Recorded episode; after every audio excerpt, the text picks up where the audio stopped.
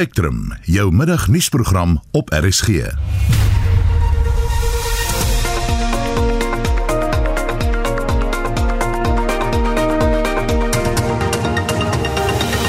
Today, I've tabled a motion of no confidence, not in you, but in your whole cabinet in terms of Section 102. Twee lang verwagte moesies van wantroue word die week gedebatteer. Die migrasieproses na digitale uitsendings moet die week voltooi wees, maar sal die oorskakeling suksesvol wees? En 'n grap is 'n grap, maar jy spot nie met 'n ander man se vrou nie. Will Smith just smacked out of me. Thi- wife's name out your mouth. Wow, dude. toe ek haar gesig sien nadat daai woorde geuiter is, kon ek sien hier kom iets.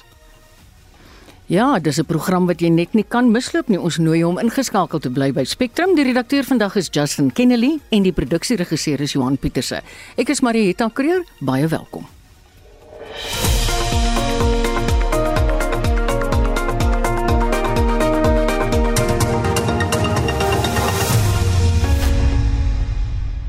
Vyf en 'n half minute oor 12. Welkom terug by Spectrum. Die regering van president Cyril Ramaphosa word hierdie week deur twee mosies van wantroue in die gesig gestaar. Die een teen slegs Ramaphosa en die ander een teen slegs die kabinet. Ons praat hieroor met die politieke kommentator professor Dirk Coetzee van Unisa. Goeiemôre Dirk. Goeiemiddag, Marita. Hoe ernstig beskou jy die ATM se mosie van wantroue in Ramaphosa? Hulle het dit ter tafel gelê voor die pandemie. Dit is in, in Februarie 2020. So dis 'n baie ou mosie reeds en wat nou deur die pandemie verhoed is dat dit bespreek kon word. Uh ek dink dis nie 'n mosie wat enigsins 'n uh, kans staan om uh, kan slaag nie. Uh daar's baie min ondersteuning daarvoor behalwe van 'n paar klein partye en mens weet nie waar byvoorbeeld die ehm um, die die uh, EFF gaan staan in hierdie situasie nie maar hulle het nie die getalle nie die ANC het nog steeds meer as 50% van die setels in die parlement en dis al wat hulle hmm. nodig het om hierdie mosie te kan uh, verslaan ja. Hoekom is dit vir die party so belangrik dat hulle selfs hof toe sal gaan daaroor net omdat die stemming in die geheim te laat geskied?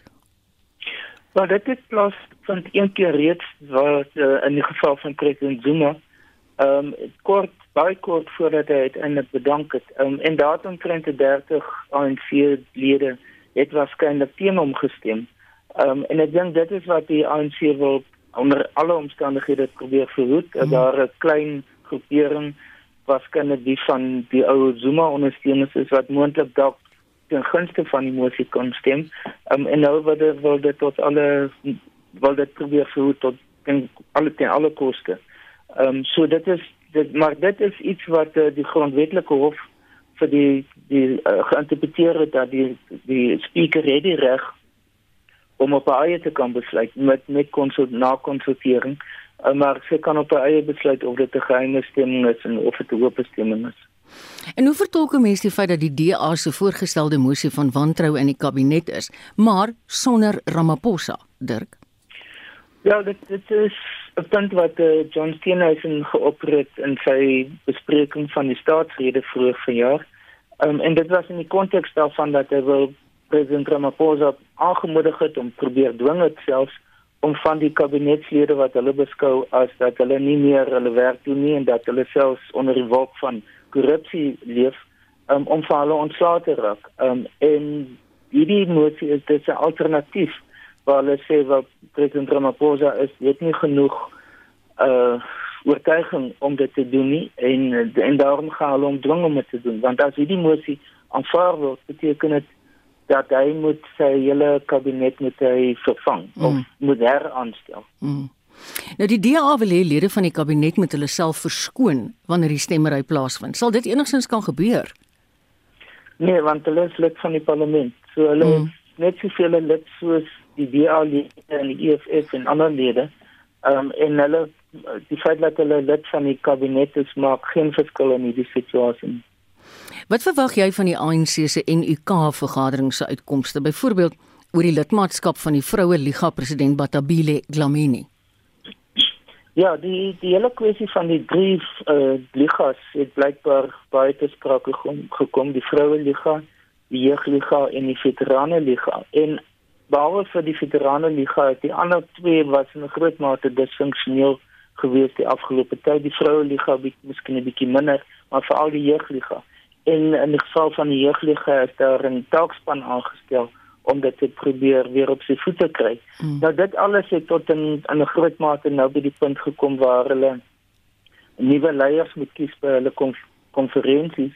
Ehm um, en dit is in 'n groot mate blykbaar wat bespreek is, is hoe om seker te maak dat hierdie konferensies plaasvind dat daar 'n normale proses van verkiesings kan plaasvind ook want hulle is natuurlik nodig om teenwoordig te wees aan die einde van die jaar by die nasionale konferensie. Mm, mm. So dit is hoekom dit so belangrik is dat hierdie hierdie ligas weer meer operasioneel kan word. Dirk baie dankie vir jou tyd. Dit was die politieke kommentator professor Dirk Kotse van Unisa. Vier toplede van die vakbond, die Suid-Afrikaanse Federasie van Vakbonde, oftewel SAFTU, is met onmiddellike effek geskort nadat hulle die vakbond na bewering in 'n verleentheid gestel het en in oneer gebring het. Die lede wat geskort is sluit in die president, Mac Chavalala, die tweede adjunkpresident, Tabo Matsose, die nasionale tesourie, Motshwari Lektogo, en die adjunk algemene sekretaris, Moleko Pakedi. Die skorsing sal van krag wees tot die volgende vergadering van die sentrale komitee. En ons praat nou hieroor met die politieke ontleder verbonde aan die Noordwes Besigheidsskool, professor Andrei Dievenage. Hallo Andrei. Ja, middag Marieta. Wat blyk aan die voorpunte staan van hierdie skorsing? Is hier suiwer politiek ter sprake? Marieta, kom ons kom ons gee een tree terug. 5 jaar gelede toe die Kusaf toe gestig is. Toe was dit 'n wegbreek uit Kossatu en die twee kernfigure was Irvin Jim en Zwelinzima Wawi. En skynbaar wat hier gebeur het in die laaste uh, weke is dat daar 'n konflik ontwikkel het tussen Irvin Jim en Zwelinzima Wawi. En uh, dit het te maak met uh, optredes, foutiewe wanoptredes aan die kant van Zwelinzima Wawi en toe is die saak verwys na die nasionale uitvoerende komitee van SAFTU en daar het Willem Zuma Wawi skynbaar in terme van 'n interne stemming 'n groot oorwinning behaal en die uitkoms was dat die name wat jy genoem het geskort is omdat hulle SAFTU in 'n slegte lig gestel het. So duidelik is hier 'n konflik agter die mm. skerms aan die gang en hier is politiek ter sprake. So jy sê Andrei dat die federasie se vroeëre skorsing van Zuma Wawi ook 'n rol hier speel daar's geen twyfel dat dit het 'n rol gespeel trouens 'n mens wil sover gaan om te sê dit was die katalisator mm. tot die hele proses.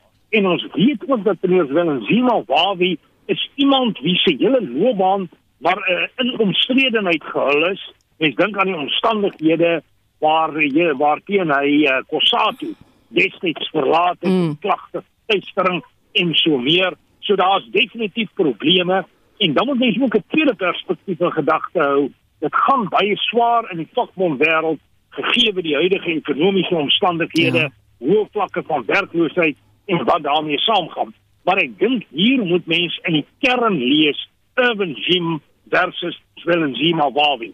En ek moet sê as daar nie 'n kompromis op 'n manier gaan kom nie, dan gaan dit definitief lei tot 'n breekspel en 'n skeuring binne daardie organisatoriese verband. Wat wel interessant is, is dat nie al die vakbonde nie hou het byvoorbeeld nie gestem nie.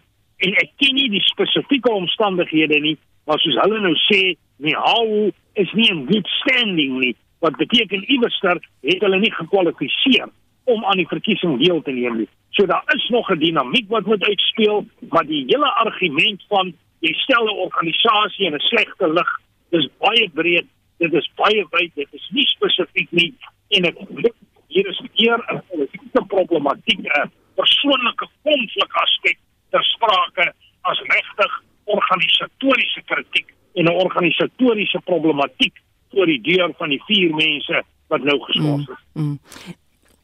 Andre, wat hou die toekoms in vir SAFTO in die lig van hierdie onstabiliteit? Wel, ek moet sê dis nie 'n goeie toekoms nie organisatoriese stabiliteit in hierdie tyd is kernbelangrik. Ons het byvoorbeeld gesien hoe sekere vakbonde besig is om hulle invloed te verloor in 'n omgewing wat meer kompeterend is. Selfs 'n instelling soos Kossatu wat in die 90er jare en selfs in die vroeë 2000s baie baie dominant is, is maar 'n skrale afskaduwing van wat dit was destyds. Ja. En mense sien dat 'n organisasie so solidariteit wat 'n redelike effektiewe faktor is, definitief besig is om momentum op te bou en sy basisse te vergroot gegee al hierdie konflikte en onstabiliteit in die vakbondwêreld. Baie dankie. Ons het gepraat met die politieke ontleder verbonde aan die Noordwes Besigheidsskool, professor Andrei Duvenage. Ons is op nerf na by kwart oor 12. Die migrasieproses na digitale uitsendings moet teen donderdag voltooi wees. Analoog televisie sal net werk indien dit aan 'n dekodeerder gekoppel is. Die SAIK sê egter in 'n verklaring dat 68% van die land se bevolking woon in die vier provinsies waar die analoogsyn afgeskakel gaan word. Teen verlede maand was net 165 000 dekodeerders in die 2,9 miljoen huishoudings in die provinsies geïnstalleer. Ons praat nou met die direkteur van die Media Waghond, Media Monitoring Africa, William Bird. Hallo William. Hallo, goeiedag. Good to be with you. Thank you. Gaan die afskakeling en die oorskakeling die week nog meer probleme veroorsaak? If she goes ahead, it is undeniable that it will result in millions of South Africans being literally in the dark. They'll have no access to free to air television. It will also be uh, absolutely catastrophic for all of our free to air services, the SABC, ETV, and all of our community television stations, because of the fact that their audiences will basically disappear overnight. It's it's a it's an extraordinary decision that our government is even thinking about this. It's overtly anti-poor, and it's it's absolutely befuddling that they over they've had you know a decade and more to do this, and suddenly they decide that now they want to put it in such a rush when they haven't uh, made it uh, anywhere near sufficient mm. efforts to make mm. sure that the poor have access to digital television. Die SAIK sê hy is in samesprekings met die minister van kommunikasie en ander belanghebbendes oor die spertyd. Dink jy dit sal enigsins help, William?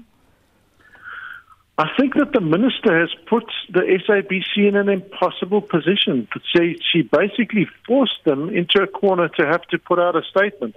Let's be clear, that statement that the SABC made on Friday is an extraordinary thing. The whole reason the SABC has not been vocal on this is because they don't want to be seen in open conflict with the minister. Mm.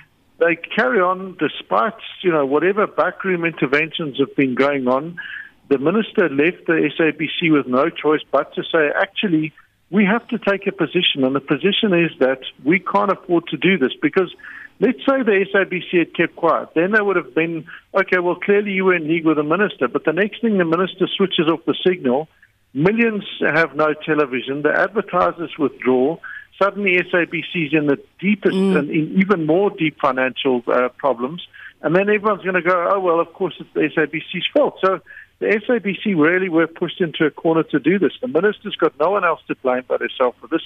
And, you know, we hope that when the, uh, the, the, the ruling comes out, that it's in to favor uh, delaying this. Again, it's a delay. We not. No one is saying we don't need to switch to digital. Everyone is saying we need to. Mm. The biggest problem has been government. They're the biggest stumbling block in this entire episode.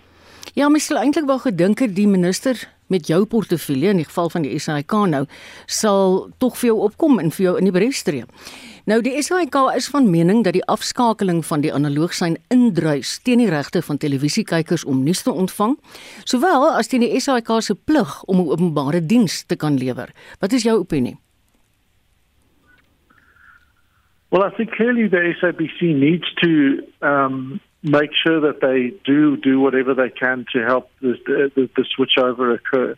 Um, and, you know, and ultimately, what you want to see is is everyone actually working together in a coordinated uh, manner to make sure that the poor don't get left behind, that SABC is able to switch over, that they can start to reap the benefits from the digital uh, switchover. You know, there are options there of, of additional channels, etc., etc. So, again, no one's saying we don't need this. What the, the only and the biggest issue is the fact that government has failed to provide any answer, let alone a meaningful one, as to why mm. they are insisting on this 31st of March date. you can start to tell if you're a cynic, you start to say, well, why is it that Centec issued a tender on the 22nd of March and then gave people precisely three days to submit their proposals for that tender? Well, what they're saying Yeah. then is a three year period for set top box installation. You know, certain things here just, just uh, leave a bitter taste in the mouth. Baie dankie William. Dit is William Bird, as die direkteur van die media waghond Media Monitoring Africa. Die tonge is behoorlik los nadat die Oscar-bekroonde akteur Will Smith gisteraan die seremoniemeester by die Oscar-benoemings geklap het. Chris Rock het 'n grap gemaak oor Smith se vrou Jada en haar haarverlies weens alopecia. Jada, I love you. G.I. Jane 2, can't wait to see it. All right? I'm out here. Uh oh, Richard. oh, wow. Wow. Will Smith just smacked the out of me. Keep my wife's name out your mouth. Wow, dude. Yes. It was a G.I. Jane jump. Keep my wife's name out your mouth. I'm going to, okay? toe ek haar gesig sien nadat daai woorde geuiter is, kon ek sien hier kom iets en toe die gehoor ook nog boonop lag. Toe dog ek dit vat dit te ver. Dis so goed of iemand baie naby aan jou sê man nou maar sterf van kanker en iemand sê iets op 'n verhoog en mense bars uit van die lag daaroor. Iewers knak iets in jou en ek dink dit is wat hier gebeur het. Die fliekresensent Leon van Nierop sê hoewel die gedrag ongevraagd is, 'n duidelike streep getrek is. hy kon dit op 'n ander manier hanteer het, maar mense verloor soms beheer. Ek weet ek het een of twee keer in my lewe het ek beheer verloor en ek het half begrip vir daai oomblik wat dit donker word om jou en wat jy nie weet wat jy doen nie en wat jy nie weet wat jy sê nie. Maar keur dit nie goed nie. Dink dit sal ook 'n les wees vir toekomstige aanbieders van sulke vertonings dat 'n mens bitter versigtig moet wees oor persoonlike aanmerkings oor mense Hoewel hy vanjaar se seremonie as 'n laagtepunt beskou, het hy heelwat lof vir die viering van rolprent geskiedenis. The Godfather wat vanjaar 50 jaar oud is met die feit dat Al Pacino en Robert De Niro en Francis Ford Coppola op die verhoog gestap het. Wat vir my nogal ook 'n bietjie jammer was, was hulle het Liza Minnelli in 'n rolstoel opgestoot vir Cabaret se 50ste verjaarsdag en sy het die gelees wie die beste rolprent is. En ek onthou daar is in vorige Oscar seremonies ook baie kwetsend na haar verwys. Die kamera het op haar gefokus en sy het letterlik wasbleek geword en verstar. Maar uh, jy weet ek het gedink dit is ironies dat Liza Minnelli op die verhoog was, maar ek sou haar nie in daardie toestand werklik waar gewys het nie alhoewel sy haar goed van haar taak gekwyt het. En dan was daar 'n hoogtepunt en dit was Pulp Fiction, die feit dat uh, John Travolta, Uma Thurman en Samuel Jackson vir die 28ste verjaarsdag daar was. En waarvan ek ook nogal gehou het is jy weet die die Oscars is hierdie glitz en glamour en mense dans en sing en gaan te kere, dan skielik kom die huldeblyke en dan's als doodstil. Maar wat in hierdie geval gebeur het, veral omdat daar sulke groot geeste van jaar weg is, dat dit meer 'n viering van hulle lewens geword het as 'n treur oor hulle dood. Wat dink hy van die uiteindelike toekenninge? Ek is bly Jessica Chastain het gewen. Ek Ariana DeBose vir West Side Story. Ek bedoel om in Rita Moreno se voetspore te volg is feitelik onmoontlik. En ook oor die feit dat Will Smith ten spyte van dit alles gewen het vir King Richard want daai vertolking. Skielik speel hy hierdie man wat sy gesin ten alle koste beskerm en wat sy dogters se loopbane bestuur en wat hulle help om heel bo uit te kom. So hy verdien absoluut die Oscar wat hy daar gekry het en ook die baie Oscars wat Dune gekry het, die tegniese Oscars. Ek dink hy het selfs meer as dit verdien, jy weet. Wat vir my 'n hoogtepunt is, was Kenneth Branagh wat gewen het vir Belfast. Daardie man het met soveel deernis daardie rolprent gemaak en nou met Oekraïne waar die mense vlug, gaan Belfast oor to those who stayed behind. En ek dink dit is in daai opsig 'n baie tydige film. Dit was ons rolprent resensent Leon van Nierop. Marlene Forsie is hy gaan hier's. Drie kankerbehandelingmasjiene is in November verlede jaar deur die Gautengse Departement van Gesondheid aangekoop. Maar dit word steeds nie gebruik nie. Die rede hiervoor is dat die bestralingsmasjiene in spesiale bankers gebruik moet word wat beskerming bied teen hoë strale van bestraling. En die bankers is nog nie gebou nie. Maar dis maar net deel van die probleme met kankerbehandeling in Gauteng. Estie de Klerk het meer besonderhede. Die Linac bestralingsmasjien, soos wat dit bekend staan, vernietig kankerselle sonder om die weefsel rondom die kankerselle te beskadig. Die masjiene moet egter in 'n spesiale banker gehuisves word weens die hoë bestraling, sê die projekbestuurder van die medisyneprogram van Cancer Alliance, Salome Meyer. Twee masjiene is aangekoop vir Chris Hani Baragwanath Hospitaal en een vir George Makuri Hospitaal, maar sonder dat daar voorsiening gemaak is vir waar dit gebruik sal word. Die twee masjiene wat vir Chris Hani aangekoop is, een van daardie masjiene was in werklikheid bestem gewees vir Charlotte Matreke. Maar die hoofuitvoerende beampte van Charlotte Matreke, Dr. Gladys Bogoshi, het aangedui in die begin van verlede jaar dat Charlotte Matreke sal nie daardie masjien nodig het nie. En dit bevraagteken ons ten sterkste want ons weet dat Charlotte Matreke het nie genoeg masjiene om die huidige pasiënte lading te hanteer nie. Meyer sê die bouwerk waar die masjiene by die twee hospitale gehuisves word, sal hopelik die finansiële jaar begin. Sodra die masjiene geïnstalleer is, met ander woorde saam met die banker en gereed is vir gebruik, dan moet SAPRA kom met goedkeuring van hierdie fasiliteite en hulle goedkeuring gaan gepaard met die hoeveelheid gesondheidspersoneel wat aan gekoppel is aan die spesifieke instelling om te kan sê daar is genoegsame opgeleide personeel om hierdie masjiene te gebruik en ook dan te seker te maak dat die instandhoudingsplan daar is. En op hierdie stadium is die aanduiding dat ons weet nie of daar genoegsame personeel sal wees nie Sy sê die Gautengse departement van gesondheid sê die personeel van Steve Biko en Charlotte Maclake hospitale gaan op rotasiebasis gebruik word.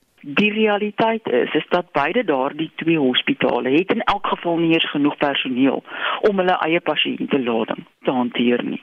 Meyer sê ten spyte van die brand wat by die Charlotte Maclake Akademiese Hospitaal uitgebreek het, kry kankerpasiënte weer hulle chemoterapie en bestraling by die hospitaal, maar daar is ander probleme wat kankerbehandeling daar bemoeilik.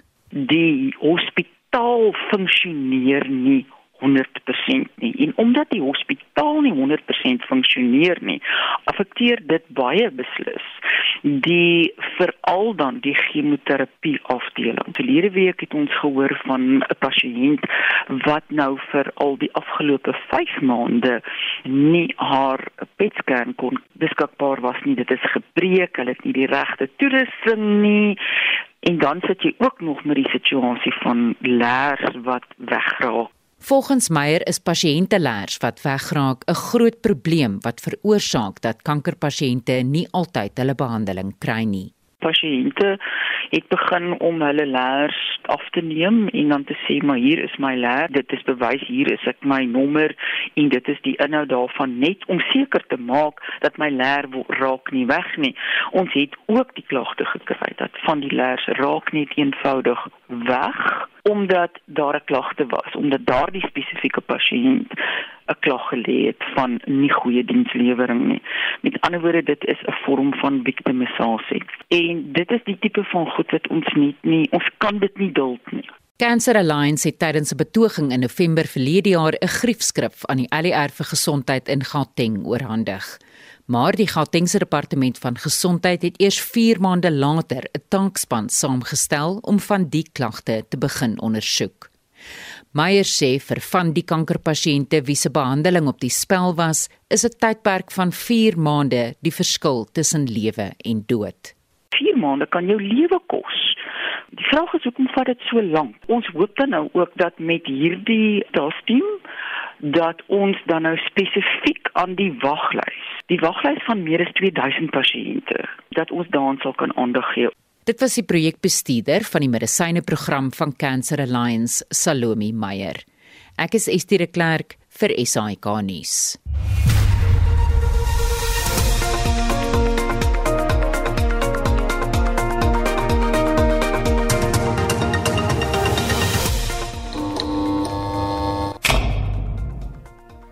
Die kwessie van vergoeding vir vroue sportsterre is in die kollig. En ons kry die jongste oor die naweek se tussenverkiesings in Zimbabwe. We have done it against all odds in terms of the banning of our rallies, uh, disruption of our campaign programs, arrest of people, our supporters even being uh, violated, uh, tear gas. Dit en baie ander nuus in die tweede deel van vandag se Spectrum.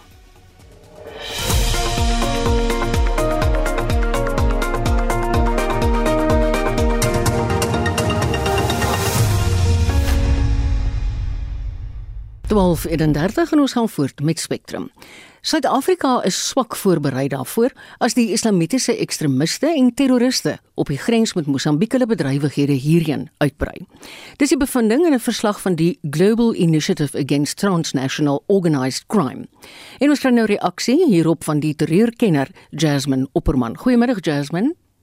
Goeiemôre, middag aan julle luisteraars. Is die bevinding in die verslag enigsins nuus vir jou? Nie geensins nuus nie. Ek dink ons is almal ter die bewus dat daar op um, institusionele vlak tekortkominge is om 'n gedetailleerde um, ondersoek te kan loods wat daartoe sal lei dat tot in 'n hofsaak sekere bevindinge bevestig sal word of nie. Ek wil net die luisteraars daarop aandag maak of aandag sit. Ons moet versigtig wees dat ons nie deur Amerikaanse uit ehm um, standpunte en hulle travelry advisory en die mense wat hulle identifiseer sommer net moet aanvaar as noodwendig islamitiese staat of islamitiese staat selfe nie. Hier is 'n duidelike agenda met bepaalde buitelandse invloed wat Amerika besig is om te speel. Vind jy dit Suid-Afrika in die algemeen dalk oorgerus is oor hierdie soort probleme? Ek dink dit gaan verder as Suid-Afrika. Ek dink dit gaan ook in die streek as ons na Cabo Delgado gaan kyk. Ehm um, ek het op jou program gesê maar net baie duidelik dat Al-Suna nie 'n streeksbedreiging inhou nie, maar die Islamitiese staat wel. Ek dink ons regerings besef nie wat beteken om gekonfronteer te word met 'n islamitiese staat self wat aktief in geweld betrokke gaan raak nie. Nee, ek dink nie ons intelligensiediens en daarmee saam ons uh, law and order kapasiteit is gedraai mm. vir so dreiging nie. Ek stem saam met die verslag in daai opsig heeltemal. Jasmine stem jy ook saam met die samestellers van die verslag dat dit Suid-Afrika se ingryping in Mosambiek is wat hom vir terreurprobleme oopstel? Ek dink dat dit 'n rol speel. Ja, ek dink ons kan nie ontken dat die Islamitiese staat elke geleentheid sal gebruik om sy teenwoordigheid te verkondig. Ons het nou gesien in Israel waar hulle verantwoordelikheid aanvaar het vir 'n aanval. Ja. Maar daar het gesê maar net. Ek dink ons moet ook besef daar's groter kompleks kompleksiteit hier. Sit ons het nie veel van 'n keuse gehad as om betrokke te raak in Cabo Delgado nie. Maar soos ek gesê het, as ons betrokke raak, wat is ons besig om te doen op nasionale vlak om die mense te beveilig? En ek is hartseer om te sê ek sien geen vordering in ons uh, counterterrorism strategy en capability om so 'n tipe van geweld te te staan nie. Ja. Nee, ons is nie Dit is eintlik ontstellend om te hoor. Waarom blyk dit dat die regering nie agslaan op sulke waarskuwings nie? Ons het dieselfde voorval gehad met die Julie 2021 oproer.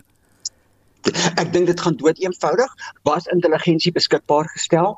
Was intelligensie geraad om so ver te gaan as die constitutional court wat hulle mag doen as daar nie gehoor gee nie het die intelligensiediens die akses op intelligensie vlak om vroeë waarskuwings te gee en dan die groot vraag al gee intelligensiediens die waarskuwings en daar is nie 'n kapasiteit mm. of 'n politieke om iets daaraan te doen nie word so tipe intelligensie produk produk basies eenkant geruk mm. en beteken niks vir die beleidsmaker nie.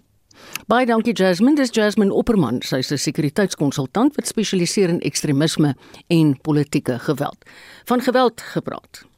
Die Oekraïense president Volodymyr Zelensky sê hy is bereid om die land as neutraal te verklaar om die Russiese inval tot 'n einde te bring.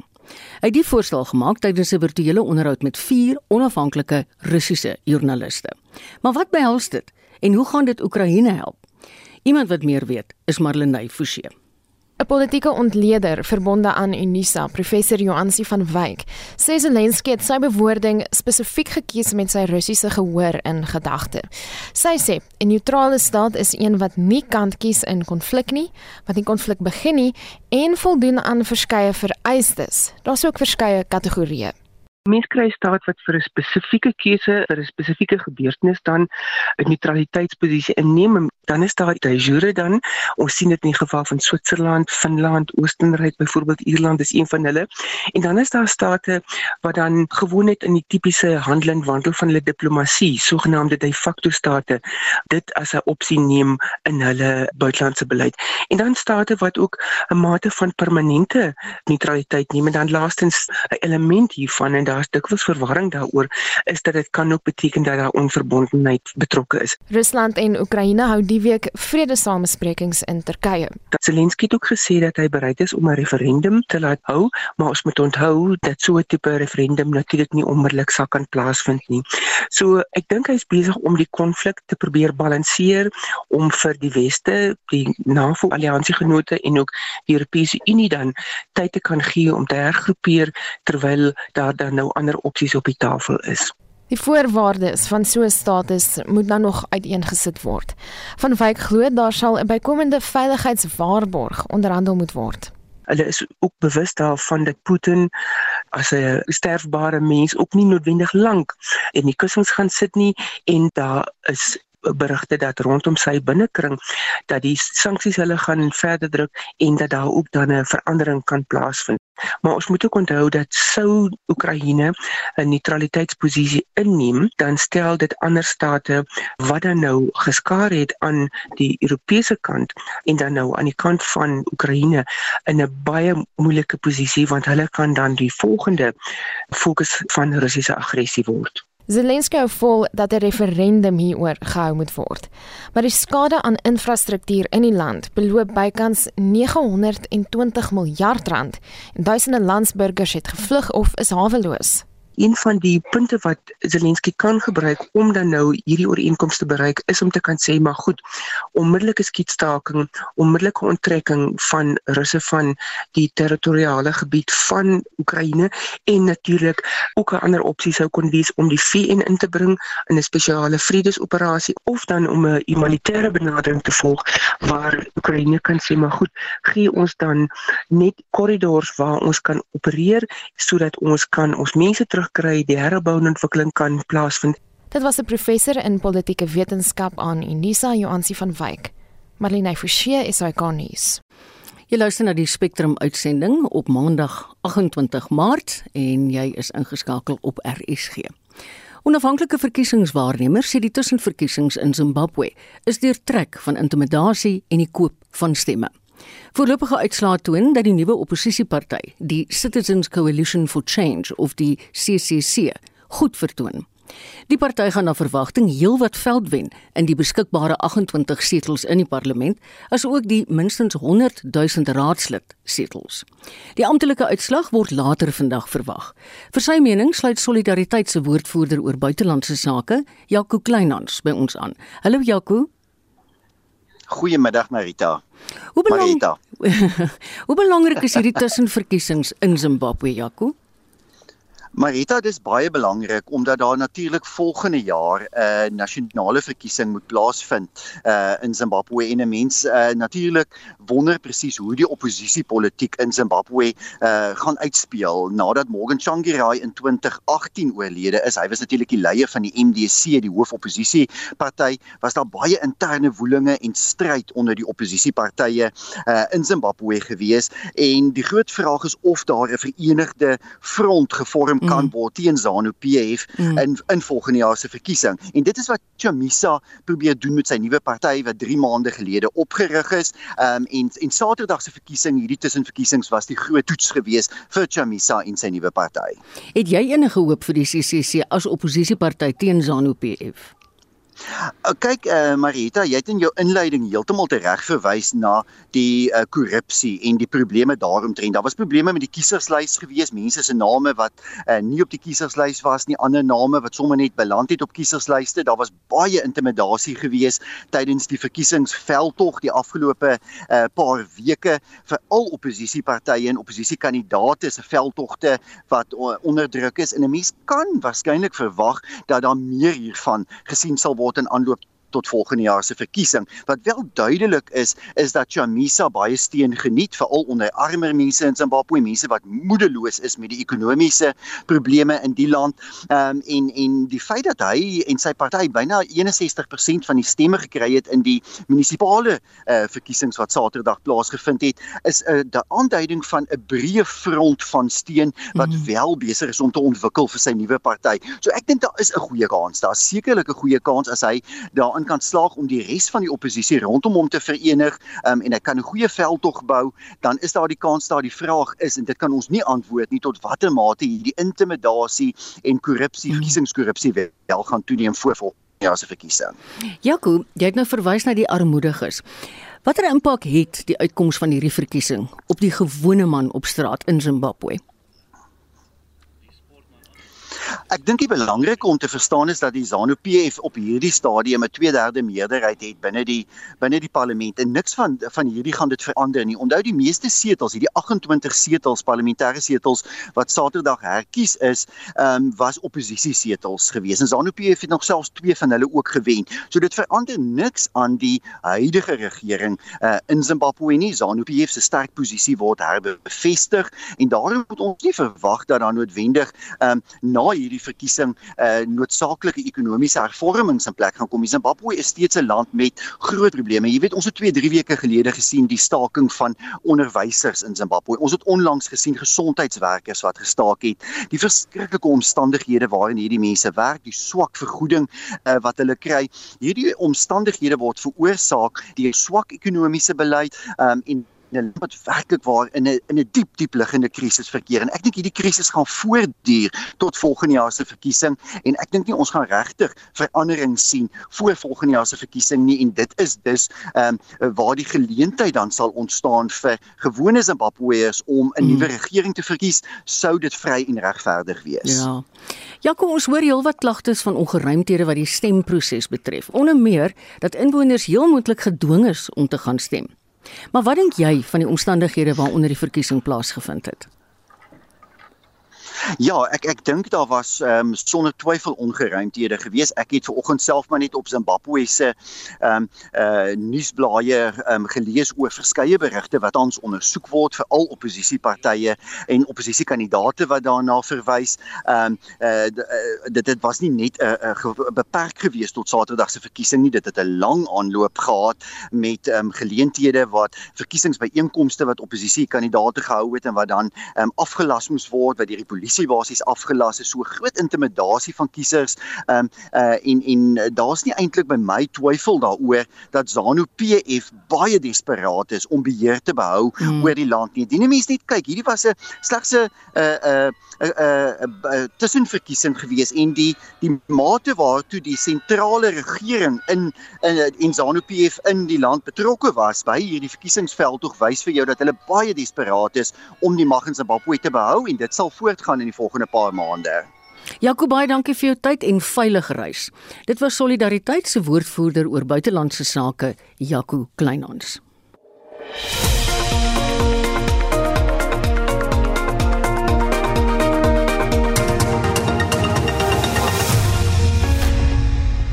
Dis by kans kwart voor 1. Die lewe van die anti-apartheidsikoon Ahmed Kathrada, wat op Robben Island saam met onder andere oud-president Nelson Mandela aangehou is, gister by Konstitusieheuwel in Johannesburg gevier. Hy het 5 jaar gelede gesterf. Ons praat nou hieroor met Dr Leon Wessels, wat 'n spreker by die geleentheid was. Hallo Leon. Goeiedag Marita. Hoe beskryf jy Kathrada se bydrae tot ons land se oorgang van apartheid na demokrasie? Uh, Daar's twee uh, belangrike opmerkings te maak oor hom. Eerstens, uh, hy's in as 'n 34-jarige jong man uit uitgetree, hy uitgekom uit die tronk uit as 'n 60-jarige en hy het die toonbeeld geword van wat Ariel Dorfman gevra het in sy toneelstuk Death of a Maiden. Hoe leef jy met die verlede sonder om dit te vergeet, maar jy word nie die gevangene van die verlede nie. So Katrada stap daaruit met 'n beslisste vaste voorneme om geen bitsigheid en bitterheid in hom om te dra nie en so word hy 'n kampvegter vir inklusiwiteit en regering in die sonskyn. Die interessante is dat na die Nkandla hof uitspraak uh, is hy die eerste veteraan wat aan Jacob Zuma 'n brief skryf en sê jy moet bedank as president van die land. Die Ahmed Katrada stigting trek swaar want hulle uh finansiële krane word uh, toe uh, onmiddellik toegedraai. Hmm. En kort voor sy dood uh, skryf Katrada 'n brief waarin hy uh, presies uiteensit wie is welkom by sy begrafnis en wie nie. En toe met die direkteur van die van die stigting Nishan Bolton dit aan die ANC gaan oordra. Dit alles het skokgolwe uh losgemaak en die wêreld ingestuur. So Katrada was 'n versoener.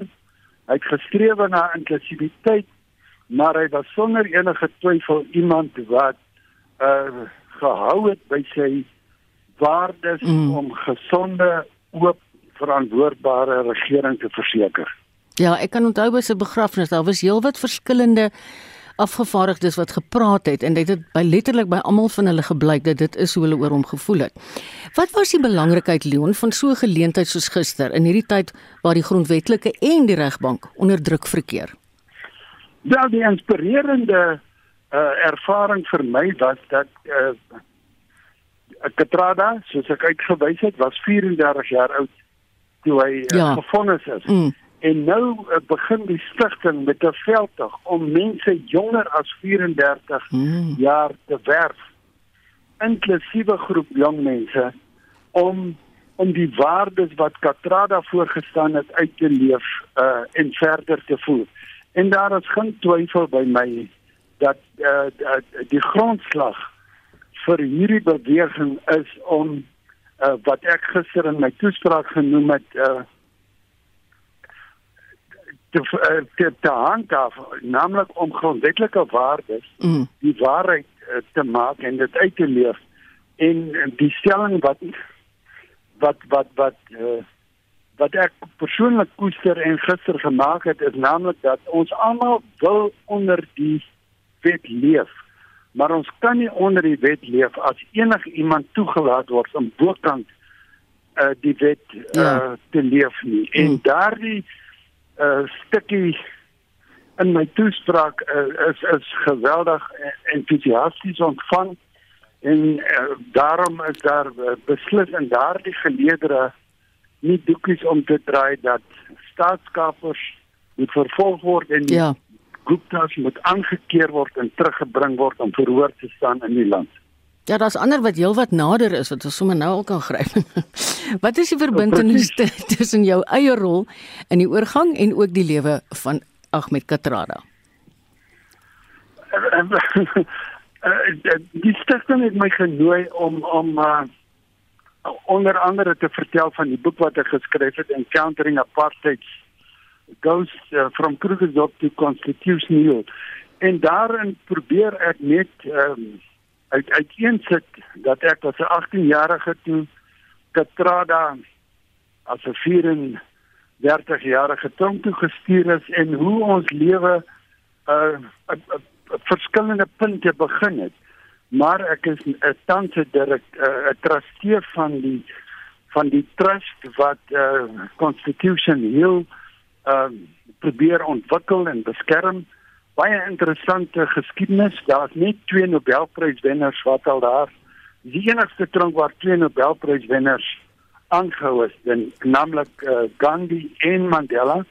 En uh, Christian de Wet is ook in daardie by die fort aangehou. Mm. So dis 'n interessante geskiedenis alhoewel dit pole uitmekaar begin het, uh, tog versleg ja. en mekaar uitkom en die en die en die suurstof suurstof geniet uh om om om saam te kan staan en saam uh, uh, te kan uh, bou aan 'n meer inklusiewe en regverdige Suid-Afrika. Baie dankie Leon. Dit was Dr Leon Wessels, 'n voormalige menseregte kommissaris en soos hy nou genoem het, die skrywer van die boek Encountering Apartheid's Ghosts. Nikki van der Merwe sluit nou by ons aan vir die sakeverslag. Sy's 'n portefeuljebestuurder by Netbank Korporatiewe Beleggings. Hallo Nikki. Goeiemôre Marietta en luisteraars. Daar's hernieude drama in China hierdie week en dit kry almal se aandag. Net soos Suid-Afrika verligting in ons inperkingsregulasies gesien het in die laaste paar weke en meeste maatskappye hierdie maand werkers terugroep, die finale keer terugroep kantoor toe, is daar nuwe inperkings in Shanghai waar werkers weer by die huis moet bly en vervaardiging gestaak is. Vanoggend was daar 'n afname in Asië se markte, maar meeste het reeds herstel. As ons kyk na Hong Kong Hang Seng, het hulle versterk met 1,3%. Die Japaneese Nikkei val as gevolg van die sentrale bank wat hulle rentekoerse op rekord laagtes hou en verhandel laer teen 0,7%. Die Australiese ASX 200 is hoër met 1,01%. In Europa verhandel die Britse FTSE 100 sterker met 0,4%, die Franse CAC 40 is hoër met 1,5% en die Duitse DAX is op met 1,6%. Plaaslik verander ons algehele indeks hoër met 0,1% teen 74412 punte. Die finansiële indeks is hoër met 1,5%, die nywerheidsindeks versterk 0,5% en die Hulbronne indeks is af met 1,4%. As ons kyk na kommoditeitspryse, olie val effens terug as gevolg van die virusvrese in China, wie die wêreld se grootste um, olie-invoerder is. Goud verswak 1,5% en verhandel teen 1930 dollar per fyn ons. Platinum verswak 1,93% en verhandel teen 986 dollar per fyn ons en dan Brent olie verswak 4% en verhandel teen 115 dollar en 84 sent per vat. Dan wisselkoerse, die rand sien baie aanvraag na dollars om en by die 14.50 merk laas week en tans verhandel ons teen 14.58 sent per dollar. 'n Pond verhandel teen R19.18 en 'n euro verhandel teen R16.01. Dan rentekoerse, die R2030 staatsefek verswak 1,5 basispunte en verhandel teen 'n opbrengs van 9,7%. Die week wat voorlê is redelik besig met maandeinde en luisteraars kan kyk lees vir die volgende datapunte. Suid-Afrika se werkloosheidsyfer word bekend gemaak en word verwag teen 35.1%. Hm. Privaat sektor kredietsyfers Tesorie se begrotingsbalans, presente prysindeks waar verwagting is dat pryse 10,2% sal styg jaar op jaar, Suid-Afrikaanse vervaardigingsproduksie en laastens naamsas se voertuigverkope. Dis 'n mondvol. Ja, dis so, reg. Start vir die week en dis die einde van die sake nuus. Baie dankie Nikki van der Merwe, sy se portefeuljebestuurder by Netbank Korporatiewe Beleggings. Die departement van Bosbou, Visserye en Omgewingsake sê die appelproses vir toegekende visvangkwotas is nou oop tot die 29ste April. Die minister, Barbara Krisi, sê die wat ontevrede is met hulle toegekende kwota kan nou appel aanteken. The general policy on the allocation of commercial fishing rights 2021 and the fisheries specific sector policies make provision for any applicant or, in fact, any affected or interested person to appeal to the minister the decisions of the delegated authority in any of the fishing sectors. An appeal may be lodged against an exclusion, a refusal to grant a right, or against the decision, the process, the methodology on the quantum or the effort. Now, obviously, when as a minister I have to consider these appeals, I have to consider facts. So I have to consider the facts surrounding the application, the facts surrounding the supporting documents as presented by you as the person who is appealing. And I can't take into account new facts that came into question after you made your application. Soos die minister van Bosbou, Visserye en Omgewingsake, Barbara Krisi.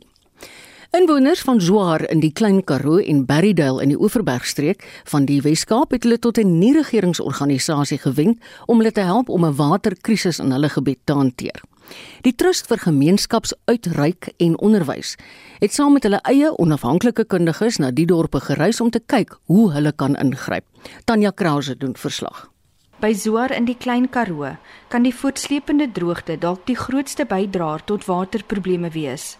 Maar inwoners het ook te doen met swak watergehalte, onreëlmatige watervoorsiening en sanitasiekwessies. Nog 'n probleem is swak infrastruktuur. Verlede maand het die 5-jarige Rushan Roodman verdrink nadat hy in 'n munisipale rioolsuiweringsdam in Zoar geval het.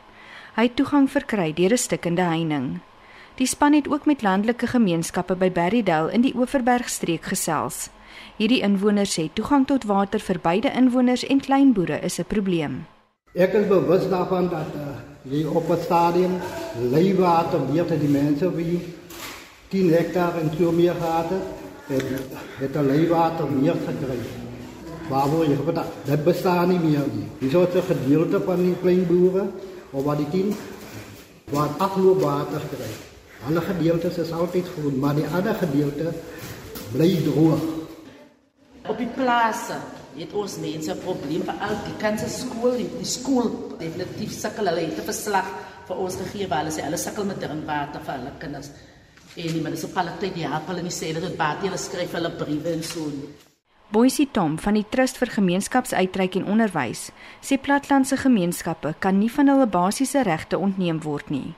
So we responded this to create a platform where we can get to the deeper root causes of the crisis of water itself but also looking with them you know, what could be the way forward in terms of resolving this deep-seated crisis which you know government has been aware of but nothing has been happening but we want to also look forward into whether this could be a human rights violation issue In 'n verklaring erken die Kannaland munisipaliteit water- en sanitasie uitdagings met verwysing na beperkte finansiële hulpbronne en onvoldoende infrastruktuur. Dit sê bystand is van die departement van plaaslike regering versoek. Die Swellendam munisipaliteit moet nog kommentaar oor die aangeleentheid lewer. Ek is Tanya Krause op George.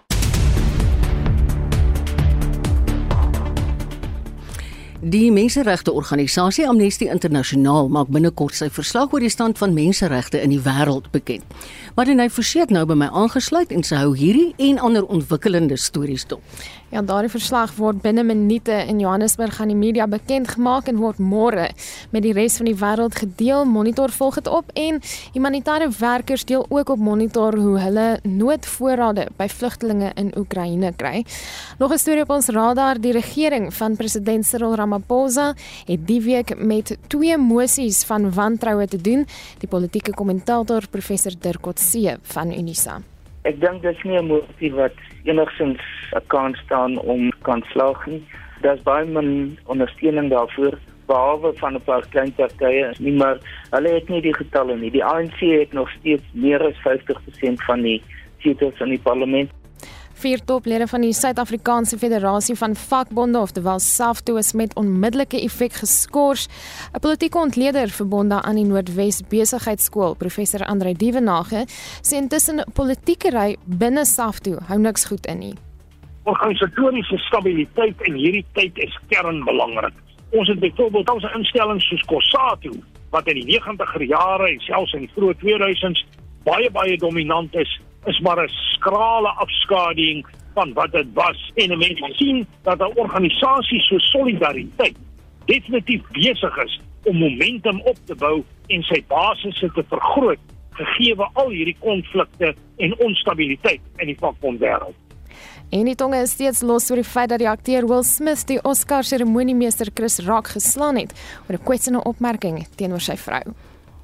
En dit was Madeleine Forsie wat vandag se stories vir ons dophou en ons almal groet hier uit die Spectrum Ateljee namens ons uitvoerende regisseur Nicoline de Wee, redakteur Justin Kennedy, produksieregisseur Johan Pieterse. En almal van ons sê geniet jou middag in die geselskap van RSG.